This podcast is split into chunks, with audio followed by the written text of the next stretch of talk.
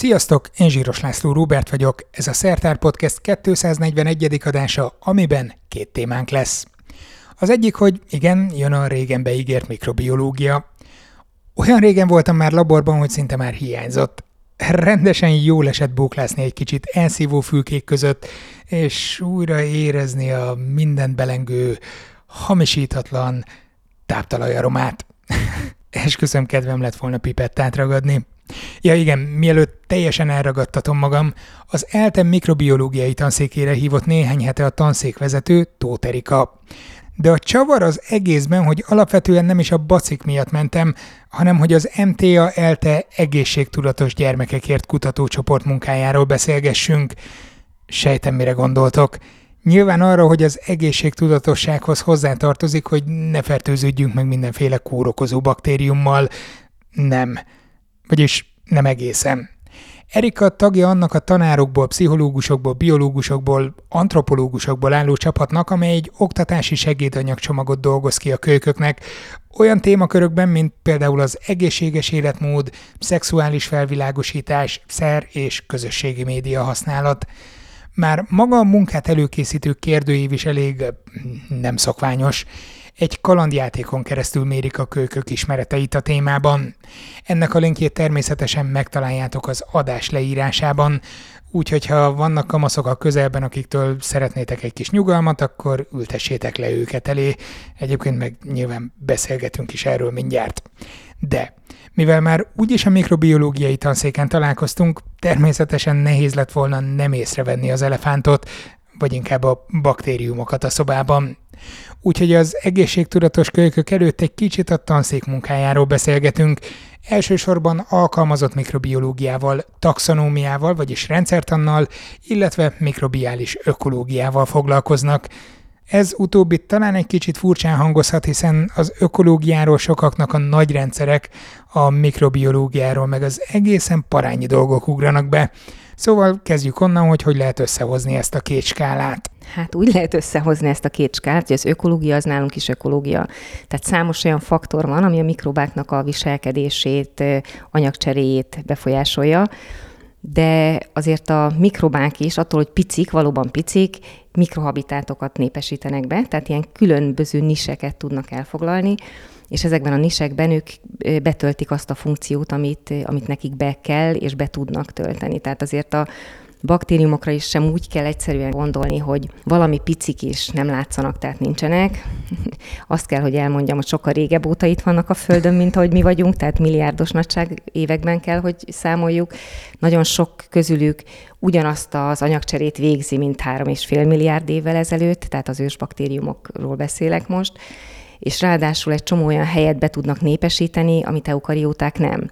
Tehát ugye az ember az úgy tűnik, hogy ő a legdominánsabb élőlény itt a Földön, de azért lássuk hogy ő is csak egyetlen fajjal reprezentált ebben a közösségben. Prokarióták viszont azután is itt lesznek, hogy mi már nem leszünk. Hát ez nagyon valószínű, így van, hogy prokarióták azután is itt lesznek, hogy mi nem vagyunk. És onnan kezdve, hogy tanulmányozzátok, hogy milyen szerepet foglalnak el az ökológiai rendszerekben például, vagy hogy milyen ökológiai hatásokra van szükség ahhoz, hogy ők megfelelően jól érezzék magukat, onnan hogyan lépünk át alkalmazott irányba? Hát sok módja van, ugyanis először nagyon sokszor azt kell megnézni, hogy ki van ott, mit csinál ott, azon az adott helyen, és az, hogy milyen ökoszisztéma, az ebből a szempontból teljesen mindegy. Tehát mindegy, hogy egy tavat hívok ökoszisztémának, vagy annak a szedimentjét, egy sebváladékot hívok ökoszisztémának, vagy esetleg mondjuk egy víztisztító rendszert, vagy egy szennyvíztisztító teljes erőművet. Tehát, hogy ezek nagyon különbözőek lehetnek, de a baktériumok számára mindegyik csak egy élő hely, ahol ők vagy működnek, vagy nem működnek.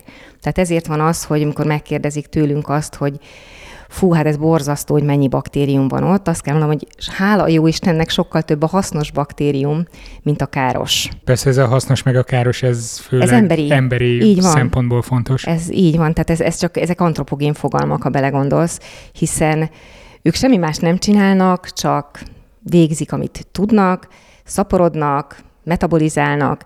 Aztán az, hogy ö, nekik mondjuk én vagyok egy nis, és éppen megbetegítenek, vagy éppen lebontják azt a szubstrátot, amit éppen fogyasztanak, csak az mondjuk egy olyan szubsztrát, amit mi nem szeretnénk, hogy ők lebontsanak, vagy pedig pont olyan, amit szeretnénk, hogy lebontsanak, ettől függ, hogy én azt mondom, hogy káros, tehát az ember számára káros, vagy pedig hasznos mikrobáról beszélünk. Mondjuk a kőolaj származékok? Hát akár a kőolaj származékok is, de ha Csak belegondolsz... Látom, hogy, hogy van a kutatási témáitok között ilyen. Igen, ilyenek is vannak, de ha belegondolsz magát, a kőolaj is, amikor képződik, is mikrobák által képződik, Viszont amikor ez a környezetbe kikerül káros anyagként, akkor viszont azokat kell megkeresni, akik különböző ilyen poliaromás szénhidrogéneket le tudnak bontani.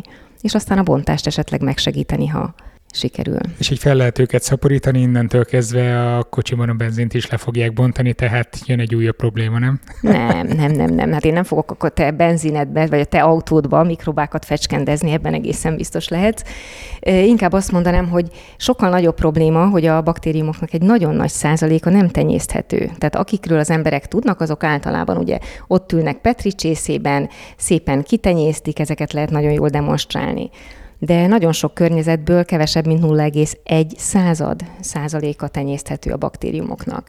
És ezért van szükség arra, hogy sokkal több molekuláris vizsgálatot végzünk, hogy lássuk a rejtett diverzitást. Elképzelhető akkor, hogy azokat a baktériumokat ismerjük jobban, amiket tudunk tenyészteni, Persze. hiszen azok nem tudom, több mint száz éve már vizsgálat alatt állnak.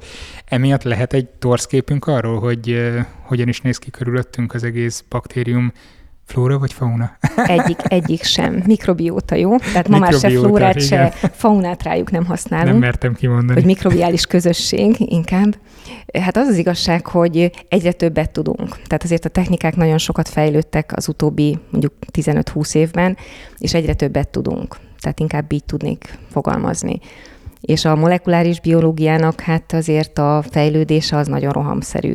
És ugye ezhez kapcsolódik, hogy azért a bioinformatikának is fejlődnie kell ahhoz, hogy ezt nyomon lehessen követni, és ma már genomikával, metagenomikával sok olyan kérdésre választ tudunk adni, amit korábban nem. Ez nem azt jelenti, hogy nem kéne soha tenyészteni, mert azért, ami a kezünkben van, azt lehet jobban megnézni, és ezért elég sok speciális technikát is próbálnak kidolgozni arra, hogy minél inkább tenyésztésbe vonjuk a baktériumokat. Mi az oka annak, hogy nem tenyészthetők egyes baktériumok? Hát ennek nagyon sokféle oka lehet. Az egyik az az, hogy nem tudjuk, hogy mire van szükségük. Tehát most gondolj bele, hogy a baktériumok konzorciumokban élnek. És hogyha egy olyan környezetről beszélünk, ami egyébként is annyiból speciális, hogy mondjuk nagyon alacsony a tápanyag szint ott, és nem tudjuk, hogy egymásnak például egy biofilmben mi az, amit megtermelnek, mi az, amit, amit nem termelnek meg, és nem tudom, hogy mit adjak nekik. Tehát azt tudom, hogy nagyon alacsony tápanyag koncentrációt kell adni, de ezen kívül, hogy milyen vitaminokat, tápelemeket, nyomelemeket adjak nekik, ezt nem fogom tudni. Itt most azért arról beszélünk, hogy tiszta tenyészetben előállítani őket. Konzorciumokat mikrokozmoszokban azért lehet tenyészteni, vagy könnyebb tenyészteni, vagy fenntartani, de a teljesen tiszta tenyészetet azt nagyon sok helyen, vagy sok esetben nem lehet előállítani. Például szennyvízből akár 10-15%-a is tenyészthető a baktériumoknak, hiszen ott az a lényeg, hogy viszonylag sok szerves anyagot adjak nekik, hiszen egy kommunális szennyvízben mondjuk az van, akkor azon fognak nőni. De aztán van olyan, amikor speciálisan bizonyos társaságot akarunk kitenyészteni. Most mondok neked egy példát. Ha én azt akarom megnézni, hogy vannak-e az adott környezetben gázolajbontó baktériumok, akkor semmi más nem csinálok, csak egyedüli tápforrásként gázolajat adok nekik, és ami azon kinől, az biztos, hogy bontani fogja. Tehát van ilyen, amikor speciálisan csoportokat keresünk, ugyanakkor ez nem oldja föl a nem tenyészthetőség problémáját. Tehát ez az egyik, hogy nem tudom, hogy mit adjak nekik, a másik, hogy van egy olyan forma, amit úgy hívnak, hogy VBNC, ez a viable but non-cultivable, tehát életképes, de nem tenyészthető. Vagy mert az életciklusának olyan szakaszában van, hogy éppen nem tud növekedni tápközegben, akkor lehet, hogy azért, mert valamiért sérült. Tehát több minden ö, oka lehet annak, hogy nem tudjuk tenyészteni. És hát ott egy rejtett diverzitás, amiről semmit nem tudunk. Csak mostanában kezdjük ö, felfogni azt, hogy olyan filum szintű leágazásokat fedeznek mostanában fel, aminek egyetlen egy tenyészthető képviselője sincs. Tehát ezek vagy más egyéb prokariótákkal vagy eukariótákkal élnek együtt, icipici genomjuk van, és nagyon különleges baktériumok egyébként. Várható innen, bár oh, nagyon, nagyon hülye kérdés, vagy nyilván várhatóak nagy áttörések, de milyen irányokban várhatók nagy felfedezések, ha taxonómiát nézünk? Hát azt, hogy milyen irányban, ezt nem tudom neked megmondani, de az biztos, hogy mindig újabb és újabb fajok leírása megtörténik. Itt a tanszéken több mint 40 új baktériumot leírtunk az elmúlt 15 évben. Bárhová nyúlunk, tehát nekünk nincsenek olyan projektjeink, amik célzottan arról szólnának, hogy baktériumokat tenyészünk ki. De minden egyes projekt során, amiben tenyésztés szerepel, ott azt látjuk, hogy mindig belenyúlunk valamibe, ami korábban nem volt tenyészthető. Tehát most mondok neked egy példát. Ma az úgy becsülik, hogy olyan két és fél három millió a baktériumok, taxonoknak a száma. Ebből valid fajnév jelen pillanatban 21 ezer van. Tehát ez az, ami kézben van, és tudjuk tenyészteni. Nem szeretném relativizálni a sikereiteket, de annak köszönhető ez a sok baktérium, amit leírtatok, mert hogy ennyi van, és, és lényegében kevesebb kutató van, mint ahány baktérium, tehát óhatatlanul ö, fog, fog valaki találni néhányat, vagy, vagy valami különleges képességetek van arra, hogy találjátok a jókat? Nincs különleges képességünk, hanem mindig feladataink vannak, amikhez nagyon sokszor előáll az, hogy valami speciális tenyésztést csinálnunk kell. És akkor egyszer csak azzal szembesülünk, hogy a másik, hogy taxonómiával Magyarországon nagyon kevesen foglalkoznak, tehát nagyon sokakkal mi magunk is kapcsolatban állunk, akik nem az eltéhez kapcsolhatók, tehát vannak ilyen kooperációink is, és akkor együtt is tudunk új fajokat keresgélni, hogyha úgy adódik. De mondom, konkrét projektjeink arra nincsenek, hogy fajokat vadásszunk, mert erre általában, tehát ez annyira alapkutatás, hogy erre ezt nem nagyon szokták támogatni. Miért foglalkoztok egyébként taxonómiával, rendszertannal? Hát mondjam azt, hogy ez az én szívügyem. Egyrészt, tehát ez egy alapkutatási téma, és ez nálam legalábbis úgy kezdődött, hogy amikor PHD-mat készítettem, akkor az volt a feladatom, hogy egy parazita légyfajból meg kellett állapítani azt, hogy van-e olyan baktériuma, amely oda vonza bizonyos felületekhez ezt a legyet. Nem tudom, miázisról talán hallottál. Ez, ez egy olyan folyamat, amikor a légylárvák beköpik az állatoknak, vagy akár az embernek Aha. is bizonyos felületeit. És ez a parazita légyfaj, ez a Wolfarcia magnifica, ez ráadásul pont azt csinálja, hogy csak élő szövetekbe. Tehát Magyarországon az állatállománynak egy része, részénél komoly problémákat okozott és okoz is hogy mit tudom én, a birkák vagy a szarvasmarha esetén légylára fertőzöttséget tapasztalnak. És hát ez jelen pillanatban úgy megy, hogy a, kiszedegetik a légylárvákat, lefertőtlenítik, stb. De hát azért nagyobb állományokról van szó. És az én PHD témám pont az volt, hogy keressünk olyan baktériumokat, amik oda csalogatják, mert az ismert volt, hogy bizonyos szaganyagok vonzák a legyeket. És hogy próbáljuk meg őket inkább csapdázni ezekkel a szaganyagokkal. És akkor, amikor a kísérletek zajlottak. Egyrészt sikerült csapdázó anyagot is összeállítanunk a részükre. Tehát, bocs, ha jól értem, a sebekben, amikor mondjuk az állat megsérül, akkor ott elkezd felszaporodni valami baktérium, és elvileg ennek a termelt szaga az, ami vonza a legyeket. A oda vonza, igen. És ez azért volt érdekes, mert a nőstény az csak élő szöveten szaporodik, ugyanannak a légynek a hímje, meg csak a, mert ilyen cickafarkon és ilyen növényeken. Mm. És meg kellett találni, hogy mi az a közös szaganyag, és ezek ilyen ként tartalmú anyagok voltak. Az érdekessége ez az, hogy csak úgy példaként mondom el, hogy ez az egyik anyag, az a dimetildiszulfid volt. Uh-huh. Ez egy olyan anyag, amivel a gázokat is szagosítják, hogy érezni lehessen. És akkor mi még a múzeum körúton laktunk itt tanszékileg, és amikor összemértük a szaganyagot, az elszívónak a felülete az utcára ment kifelé, és egyszer csak megjelent a gázművek, mert a Calvin téren éreztek gázszivárgást, és szépen a szag alapján eljutottak a laborba, hogy mi ott kísérletezünk mindenféle ilyen kén vegyületekkel. Na mindegy, de akkor találtam egy olyan baktériumot, ami annyira más volt, mint a többi, hogy lehetetlen volt, semmilyen módon nem lehetett meghatározni. Még szekvenálással is a legközelebbi rokona is olyan messze volt, mint Makótól Jeruzsálem.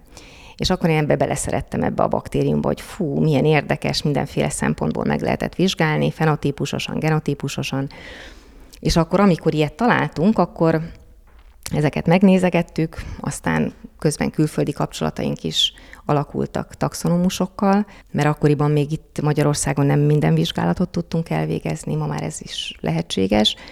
és ugye 2018-tól a teljes genomikot is meg kell vizsgálni ahhoz, hogy taxonomia leírásokat tudjunk csinálni. Hát most már azért ez viszonylag könnyű, vagy ahhoz képest, mint mondjuk 15 vagy 20 éve volt egy teljes genom szekvenciát megcsinálni. Hát ma már azért jóval egyszerűbb, meg olcsóbb. Tehát most már sok cigere ráállt, és nem olyan hihetetlen drága, és a bioinformatikáját azt itt meg tudjuk csinálni, tehát összerakni a szekvenciákat, azt meg tudjuk csinálni.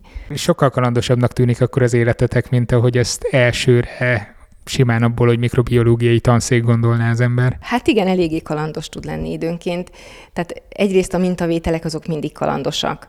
Tehát mert mindig történik valami, amire az ember nem számít. Megjelentek ilyen szkafanderben, és jönnek a járókelők, hogy mit kerestek ott, és menekülni hát, olyat, olyat konkrétan nem csináltunk, de volt példa rá, igaz, hogy közel 30 évvel ezelőtt, amikor a budapesti levegőt kellett fölmérnünk egy kollégával, hogy egyáltalán a különböző területek mikrobiálisan mennyire szennyezettek. És akkor a tenyészthetőeket vizsgáltuk, és különböző táptalajokat kellett kipakolásznunk Budapest különböző helyszínein, és ezeket kinyitogatni. Na, és ezek nagyon különböző színűek voltak. Tehát, hogy zöld, kék, így van, Petri csészével kimentünk, kirakosgattuk, és nagyon sokszor meg akarták vásárolni, mert nem tudták, hogy mit árulunk. Mi alig győztük őket elhajtani onnan, hogy inkább menjenek az állatkertbe, mi itt szeretnénk inkább mintázni.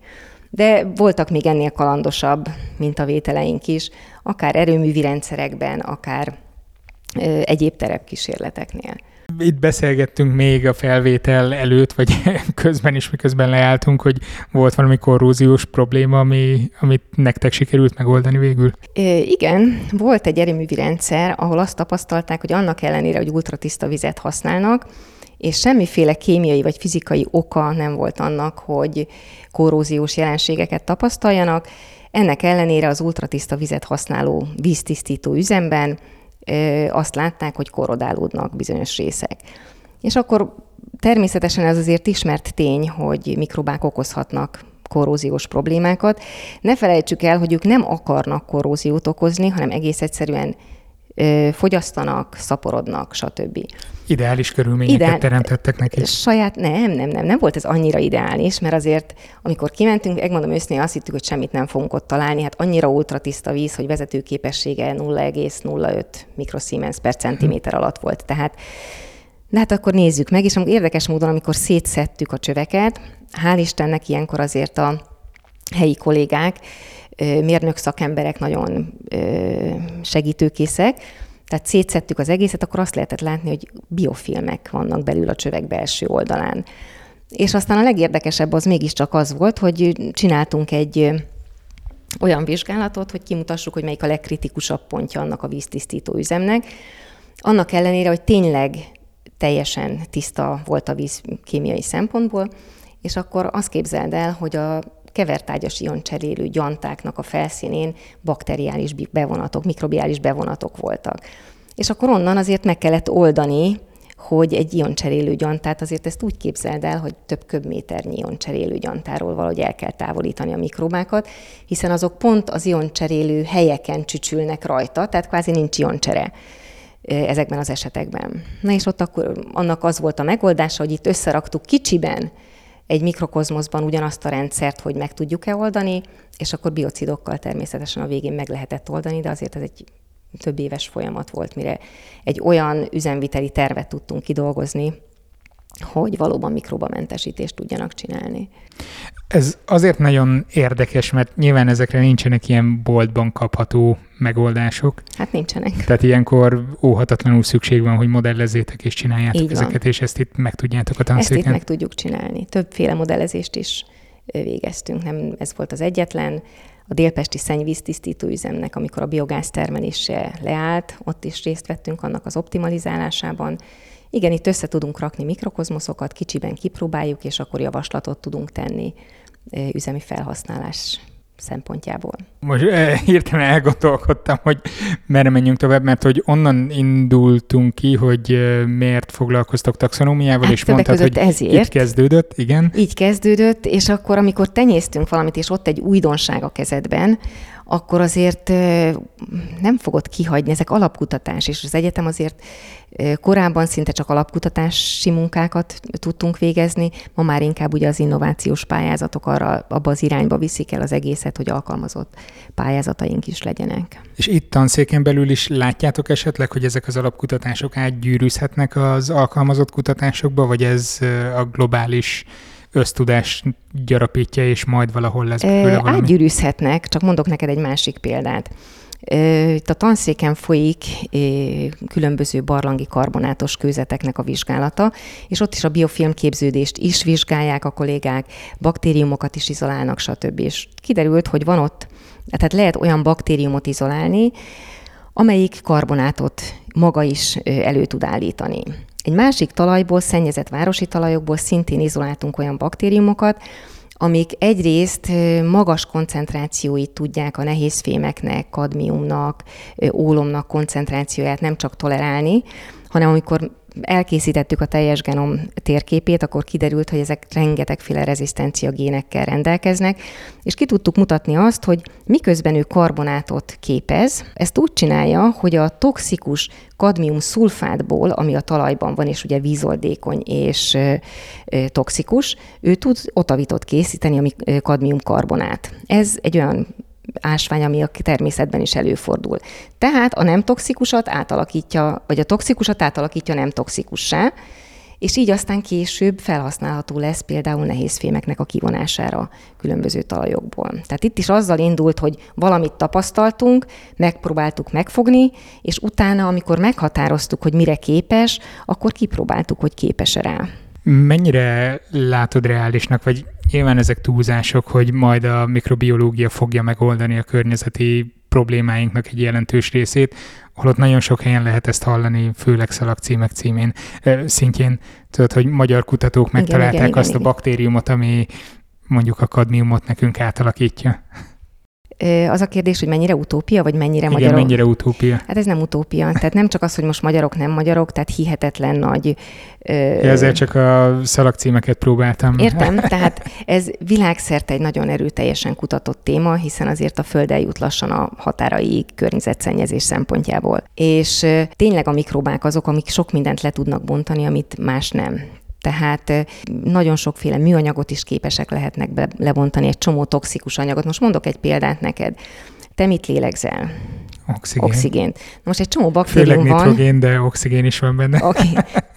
De azért mondom, hogy azért mi leginkább az oxigént tudjuk sejtlégzéshez felhasználni. Na most van egy csomó baktérium, ami az oxigént, vagy az oxigén mellett egy csomó egyéb szubsztrátot, nitrátot, szulfátot, sőt van olyan, amelyik esetleg arzenátot. Tehát egy csomó olyan képességük van, és egy csomó olyan anyagot le tudnak bontani, ami termodinamikailag megfelelő, de semmilyen más szervezetnek nincs kapacitása rá. Így aztán azt kell, hogy mondjam, hogy ez nem utópia, hanem ma is nem csak, hogy kutatások folynak, vannak konkrét termékek már piacon, amikkel meg lehet serkenteni a lebontást, vagy bioremediációt, tehát környezeti kármentesítést lehet végezni, és erre itt Magyarországon is van példa. Sőt, ha már itt tartunk, a tanszékünknek is van ehhez kapcsolódó szabadalma pont a poliaromás szénhidrogének kapcsán. Hát ez szuper, akkor már is előállhat egy új science fictionnek a gondolata itt a fejemben, hogy tök jó előálltok azokkal a baktériumokkal, amik mondjuk lebontják a csendes óceáni uh, hulladékszigeteket, csak aztán onnan kiszabadulva szépen a épületeinket is, épületeinknek is nekiállnak, ahol mondjuk polimereket használnak. Hát azért ennyire megint csak nem egyszerű, de itt megint különítsük el a biodeteriorációt és a bioremediációt. A biodeterioráció, amikor valamilyen műtárgyat valamiért lebontanak, uh-huh. vagy, vagy mikrobák egyszerűen elkezdik a bontását. Mit tudom én, legyenek ezek, vannak ilyen szobrok, vannak különböző tehát nekünk is volt kapcsolatunk, ahol a festményeknek okozták különböző problémáit mikroorganizmusok. Tehát múzeumban tehát van ilyen, probléma, tehát hogy... Van, van olyan, nem mindenhol persze, hát nagyon, nagyon sok mindentől függ, hogy, hogy, hogy mi a helyzet, de azt gondolom, hogy ez a biodeterioráció, és a bioremediáció, amikor célzottan felhasználjuk őket. Azért nem úgy kell elképzelni egy ilyen bioremediációt, hogy puff, én odaadok egy csomó mikroorganizmust, aztán történik, ami történik, puffan, ahogy puffan. Azért ezeket nagyon komoly előkísérletek előzik meg, össze kell rakni kicsiben, megnézni, hogy működik-e, hogyan lehet kontrollálni, tehát kontrollálatlanul azért nem lehet semmit csak úgy kiönteni. Ugyanakkor, ha elég idő áll a rendelkezésre, valósz, és nincs további szennyeződés, akkor azért a baktériumok sok mindent maguktól is megtesznek, anélkül, hogy... Tehát ha például én izolálni szeretnék olyan baktériumot, ami mondjuk nehéz fémekre rezisztens, és azt átalakítja, vagy csinál vele valamit, akkor biztos, hogy olyan helyre megyek el baktériumot izolálni, ami nehéz fém szennyezett. Mert annak már bizonyos mechanizmusai elkezdtek kialakulni. Tehát nem csak úgy fogok és a levegőből valamit oda viszek, mert az valószínűleg nem fog működni. Hát igen, a természet elvégzi azt a munkát, amit Így itt van, a a természet nagyon, igen, csak föl tudjuk gyorsítani ezeket a folyamatokat célzott kísérletekkel. Nagyon nehezen fogok tudni innen átkötni, hogy hogy jönnek ide a gyerekek. Hát azért ez egy oktatási intézmény úgy kezdődik, hogy azért az ELTE az egy kutatóegyetem. Eddig a kutatásról beszéltünk, és azért az oktatás, mint egyetemnek azért elég erős funkciója. Tehát itt biológusokat, tanárokat, környezettudósokat egyaránt képezünk, és hát így jönnek ide a gyerekek illetve a még kisebb gyerekekre gondoltad, hogy... Igen, ezután majd a felkomban mindenképpen azt kell mondani, hogy két témáról beszélgetünk, a, a mikrobiológiáról és a egészségtudatos gyerekekről. Hát a gyerekek nem annyira egészségtudatosak, és ezért alakult egy kutatócsoportunk, aminek az a címe, hogy MTA-ELTE egészségtudatos gyermekekért kutatócsoport. Egy pályázatot nyertünk ennek kapcsán, aminek az a célja, hogy a különböző témakörökben a felmérjük, és egy, felmérjük a gyerekek jelenlegi tudását, és ehhez hozzá kapcsoltan egy olyan online tananyagot készítsünk, ami viszonylag könnyen emészthető, a kezükben van, és ha lehet, nem a téveszméket kapják meg, amit innen-onnan összeszednek bármilyen netről és ezért alakult ez a kutatócsoport itt az eltén, amihez középiskolai tanárok is csatlakoznak. Mi a célotok, vagy hogyan próbáljátok elérni a kölyköket egyáltalán, hogy részt vegyenek a programban? Hát leginkább úgy, azért ez két ö, külön korcsoportnak szól, az egyik a 10-től 13 éves korig, a másik a 13-tól 18 éves korig. Jelen pillanatban egy online kérdőívet készítettünk, amiben szeretnénk felmérni, hogy a diákok most hol tartanak, tehát egy téveszmék, milyen téveszméik vannak az adott témákkal kapcsolatban. A témák között szerepel a környezettudatosság, közösségi média használat, szerhasználat, szexuális felvilágosítás, egészséges életmód, tehát viszonylag széles körű témáink vannak, és igazándiból úgy próbáljuk őket elérni, hogy ezt viszonylag játékosan tesszük. Tehát a kérdőív maga is egy ilyen játékos felületen indul, természetesen a különböző korosztályoknak különböző stílusban megfogalmazott kérdésekkel, és gyakorlatilag egy játék. Attól függően, hogy melyik karaktert választják, hogy ezen ők végigmenjenek, felülhetnek egy sárkány hátára, és attól függ, hogy melyik karaktert választották, hogy melyik, tehát az online kérdőívben is melyik földrészen landolnak, ahol mindenféle kérdésekre válaszolhatnak. Mondjuk, ha már egy sárkány hátára kell felülniük, akkor gondolom, hogy a drog kérdés az itt jelenik meg. Hát azt több helyen megjelenhet, de ebbe hagy ne menjünk bele a részletekbe. Igazándiból Mi az, igen. amit leszeretnétek ebből szűrni? Végig mennek a gyerekek, válaszolják önkéntelenül is akár ezeket a kérdéseket. Igen. Hova fut ez ki, vagy, vagy van-e valamilyen prekoncepciótok per pillanat, hogy Per pillanat hogy nincs állnak. prekoncepciónk, illetve nem szeretnénk, hogy legyen prekoncepciónk, mert egyszerűen kíváncsi vagyunk arra, hogy a különböző korosztályok az országnak a lehető legkülönbözőbb iskoláiban milyen szinten vannak most. Tehát egészen valószínű, hogy az úgynevezett téveszmék azok különbözőek lesznek, mondjuk az ELTE gyakorlóiskoláiban, mint más egyéb, nem akarok nevesíteni, tehát bármelyik iskolában. Tehát ez részben szerintünk korosztályfüggő, részben pedig szociális háttér függő lesz, legalábbis mi ezt gondoljuk. De semmiféle prekoncepcióval nem szeretnénk indulni, feltettünk kérdéseket, hogy szerintünk az igaz vagy nem igaz, és meglátjuk, hogy mik lesznek a válaszok különböző témakörökben. Itt arra vagytok kíváncsiak, hogy a diákok maguk miket csinálnak egyébként szabadidőben, vagy hogy miket tudnak az adott területről? Inkább az, hogy miket tudnak az adott területről. Kifejezetten mondom, a téveszmékre próbáltunk itt a kérdőívben rámenni, mert ettől függ, hogy utána az online ö, tananyagunk az milyen lesz. Tehát azért az a cél, hogy a tanároknak is, tanároknak is kezükbe adjunk valami kézzel foghatót, meg a diákoknak is, amit ráadásul élvezettel csinálnak. Tehát azért az a terv, hogy ezt valahogy a, a tananyagot, amit majd kifejlesztünk, annak alapján, hogy mit és honnan érdemes a fejlesztést indítani, azért mi ezt igyekszünk -e, azt is egy ilyen játékos formában, egy ilyen szabaduló szobában valahogy majd megoldani a számukra. Ez online szabaduló szoba, vagy valós? Online. Ez Aha. online lesz. Igen, hát azért sok embert nem tudsz úgy elérni, hogy mindenkit ide hívsz, nem, mindenki egy online. Mindenképp egy online képessége. szabadidőszobát tervezünk. De ahhoz viszont tudnunk kell, hogy most hol tartanak, és ezért kértük azt, hogy minél többen töltsék ki ezt a tér- kérdőívet, ami fönn van a, az egészségtudatos gyermekekért kutatócsoport honlapján egyk.elte.hu. Be, be fogom linkelni mindenképpen. Ezt linkeld be, légy szíves, mert ez egy fontos információ. Köszönöm. Viszont az nem változik folyamatosan nem csak térben, hanem időben is, hogy milyen téveszméink vannak különböző dolgokról. Tehát nekem valószínűleg 14-5 évesen teljesen más téveszmém volt mondjuk a nem tudom, drogokról, mint, mint az lenne egy mai fiatalnak. Hát ez biztos, de mi onnan szeretnénk elindulni, ahol most tartanak, és ezért van két külön korosztály, mert valószínűleg egy tíz éves gyerek tök mást gondol egy füves cigiről, mint mondjuk egy 17 éves, aki már esetleg ki is próbálta, bocsánat, tehát remélem, hogy nem, de azért előfordulhat. Tehát pont ezért két külön korosztályban, és innen indulunk. Milyen hosszú távra jelenthet megoldást egy ilyen program, amit csináltok? Tehát időnként ezt majd felül kell vizsgálni négy hát én évente, azt gondolom, vagy... hát nem tudom, hogy hány évente, de egész biztos, hogy most elindulunk valahol, elkészítjük a tananyagot, és ez folyamatosan fejleszthető lesz, mivel online, én azt gondolom, hogy később azért mi bele fogunk tudni nyúlni, és hoppá, ez meg az meg amaz jelenik meg valahol az interneten, több kérdéscsoportban igyekszünk azért folyamatosan tájékozódni, azért ennek is van egy publikációs bázisa, ahol sok mindent meg lehet nézni, akár azt, hogy a mi diákjainkat, tehát a magyarországi diákokat összehasonlítani külföldiekkel is, ugyanezek szempontok szerint, tehát igyekeztünk a témákat is úgy összeállítani, amikben van némi tapasztalat környező országokból is. Tanárok részéről mennyire van nyitottság erre, vagy fogékonyság? Érzik azt, hogy nekünk nem mondja meg senki, hogy mit csinálunk, vagy, vagy igénylik azt, hogy legyen egy ilyen tananyag? Én azt gondolom, hogy itt a pandémiás időszakban azért nagyon sokan bezáródtak.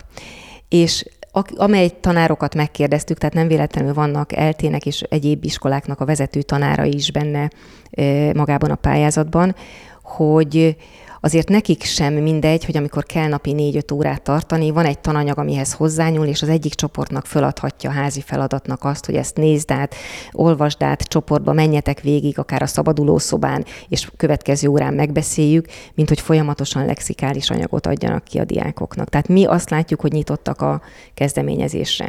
És ez milyen óra keretében jelenne meg? Mert a magyar oktatási rendszerben azért elsősorban az van, hogy mi az, amit számon lehet kérni, mi az, amire jegyet lehet adni, ez pedig tipikusan nem az, hogy... Eh, hát azért egyre több, mi azt látjuk, hogy a pedagógusok is egyre nyitottabbak a felé, hogy egy kicsit komplexebb módon ö, eh, nézzék ezt a témát. Most biológia tanárokat eh, kerestünk meg, vagy keresünk meg értelemszerűen, illetve az adott iskoláknak az igazgatóit, és aztán meglátjuk, hogy merre felé nyit a dolog. Hát mindig függ a attól is, tehát maga a programot is igyekszünk azért a NAT-hoz egy picit hozzáigazítani, de hogy ez mennyire sikerül, tehát mindenféle olyan törvénynek megfelelünk, meg meg kell felelni természetesen, amik aktuálisak, aztán meglátjuk. Azért Igen. egyre több olyan iskola van, amelyik egy, nyitott. Egy kérdéscsoportot teljesen igen. ki lehet szedni, hiszen ez a szülők dolga. Szó.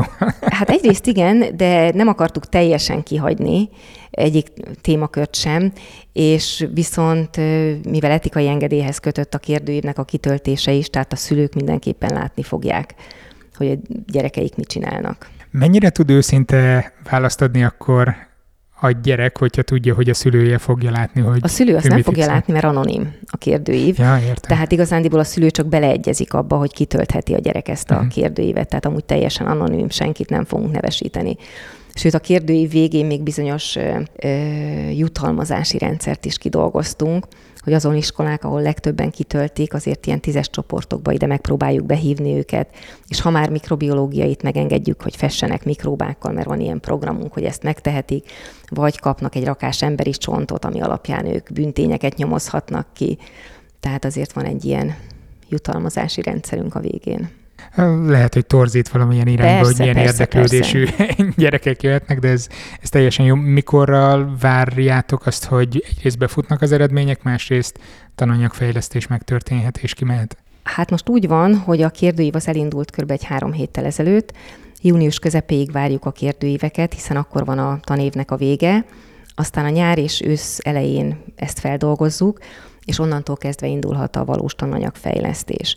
De azért bizonyos dolgokat már most is csinálunk, tehát készültek bizonyos videók, amiket föltettünk a honlapra, további videókat is készítünk közben személyes higiénével kapcsolatban, illetve rövid kis részeket az embertanos kollégák is csináltak, amik, sőt, föltettek a honlapra egy olyan testméretekből könnyen családilag is becsülhető testarányokat, ilyen elhízottság mértékét. Tehát több minden azért zajlik a háttérben, amivel akár a szülőknek, akár tanároknak ilyen egyszerűbb dolgokat a kezükbe adhatunk. Egész kicsiknek is készítünk kisebb filmeket. Annak idején itt pont a tanszéki kollégák többször voltak kint a Kampona üzletházban, volt egy ilyen szervezés, hogy a játékszobájuk alatt kicsiknek mutassuk be a mikrobákat, és hogy hogyan kell szabályosan kezet mosni, és a gyerekek imádták. Köszönöm a figyelmeteket!